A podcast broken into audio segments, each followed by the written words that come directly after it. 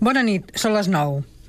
L'any 2009 el Vaticà va reconèixer davant l'ONU que, segons les seves estadístiques internes, entre l'1,5 i el 5% del clergat catòlic estava implicat en casos d'abusos sexuals a menors. Això són entre 6.000 i 20.000 sacerdots que haurien comès delictes de pederàstia. El cas de Granada, que s'ha saldat de moment amb la detenció de tres capellans i un professor de religió, ens demostra que no estem parlant només de delictes individuals, sinó d'autèntiques trames per abusar sistemàticament de menors.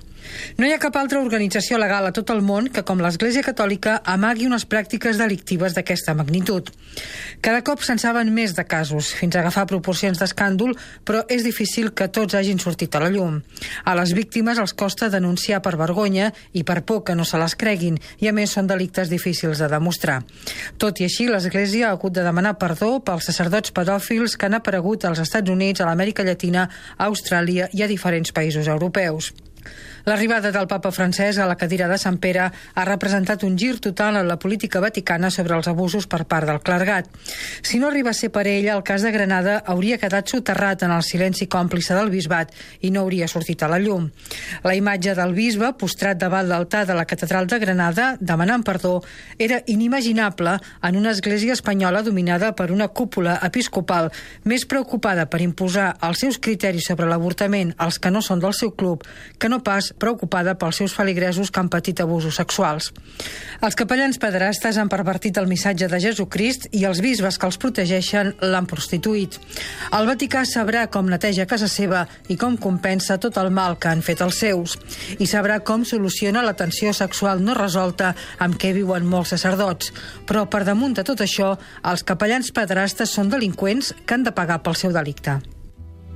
Oye, la, Lay la la la la lay. Lay la la la la la lay la la la la lay.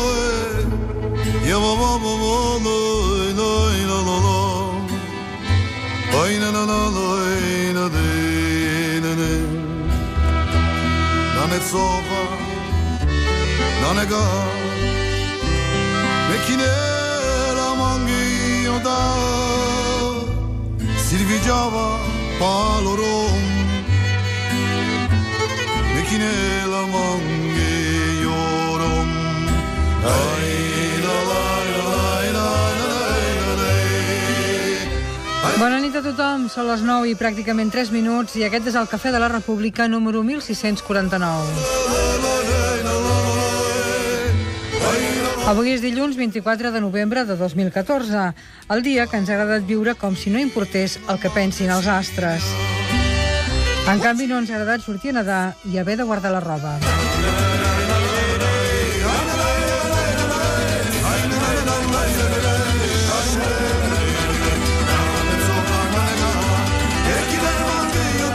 El Cafè de la República. Catalunya Ràdio. Amb Elisa Homedes.